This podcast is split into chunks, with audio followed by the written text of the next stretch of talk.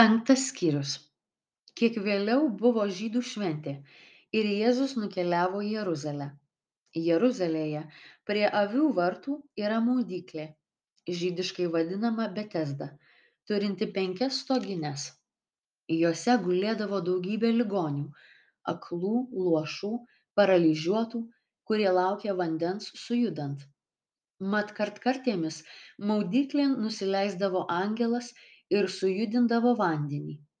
Kas vandeniui pajudėjus, pirmas įlipdavo į tvenkinį pagydavo, kad ir kokia lyga sirgdavo. Ten buvo vienas žmogus, išsirgęs 38 metus. Pamatęs jį gulintį ir sužinojęs jį labai seniai sergant, Jėzus paklausė, ar nori pasveikti? Ligonis jam atsakė, viešpatie, aš neturiu žmogaus kuris vandeniui sujudėjus mane įkeltų į tvenkinį. O kol pats einu kitas įlipa greičiau už mane. Jėzus jam tarė kelkis imk savo gultą ir vaikščiok. Žmogus bematant išgijo pasiėmė gultą ir pradėjo vaikščioti. O toji diena buvo sabatas. Todėl žydai sakė išgydytajam šiandien sabatas tau negalima nešti gulto. Jis jiems atsakė tas kuris mane išgydė man liepė imk savo gultą ir vaikščiok. Jie klausinėjo o kas tas žmogus kuris tau liepė imk savo gultą ir vaikščiok?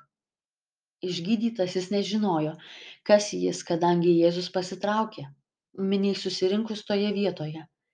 Vėliau jėzus jį sutiko šventykloje ir tarė štai tu esi pasveikęs daugiau nebenusidėk kad neatsitiktų tau kas blogesnio žmogus nuėjo ir pranešė žydams kad jį išgydė jėzus.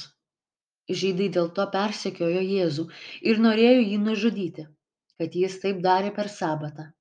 O jėzus jiems atsakė mano tėvas darbuojasi lig šiolei ir aš darbuojuosi. Dėl to žydai dar labiau ieškojo progos jį nužudyti nes jis ne tik laužė sabatą bet ir vadino dievą savo tėvu lygindamas save su dievu Jėzus jiems atsakė, iš tiesų, iš tiesų sakau jums, sūnus nieko negali daryti iš savęs, o vien tai, ką mato darant tėvą, nes ką jisai daro, lygiai daro ir sūnus. Nes tėvas myli sūnų ir rodo jam visą, ką pats daro, ir jam parodys dalykų dar didesnių šituos, kad jūs stebėsitės.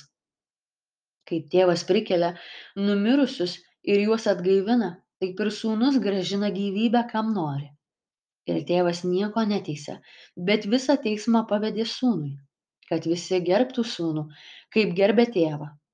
Kas negerbia sūnaus tas negerbia jį siuntusio tėvo. Iš tiesų iš tiesų sakau jums kas mano žodžių klauso ir mane atsiuntusį tiki tas turi amžinąjį gyvenimą ir nepateks į teismą nes iš mirties yra perėjęs į gyvenimą.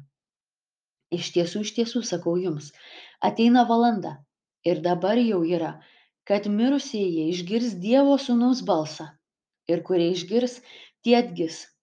Nes kaip tėvas turi gyvybę pats savyje, taip davė ir sūnui turėti gyvybę pačiam savyje. Ir taip pat suteikė jam valdžią teisti, nes jis žmogaus sūnus. Nesistebėkite tuo, nes ateina valanda, kai visi esantys kapuose išgirs jo balsą. Ir tie, kurie darė gerą, išeis gyvenimo prisikėlimui, o kurie darė blogą teismo prisikėlimui. Iš savęs aš nieko negaliu daryti. Aš teisiu, kaip girdžiu, ir mano teismas teisingas, nes aš ieškau ne savo valios, bet valios tėvo, kuris mane siuntė. Jei aš pats apie save liudiju, mano liudijimas nėra tikras, bet apie mane liudyja kitas. Ir aš žinau, kad jo liudijimas kuriuo jis liudija apie mane yra tikras. Jūs buvote nusiuntę pas Joną ir jis paliudijo tiesą. Aš neieškau žmogaus liudijimo, bet šitai kalbu tam, kad būtumėte išgelbėti. Jonas buvo degantis ir šviečiantis žiburys, tačiau jūs panorėjote tik valandėlę jo šviesa pasidžiaugti.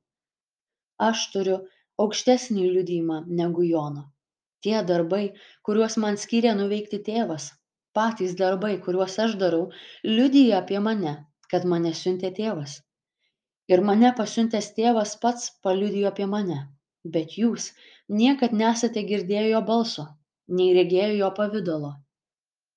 Ir neturite jo žodžio, jumise pasiliekančio, nes netikite tuo, kurį jis siuntė.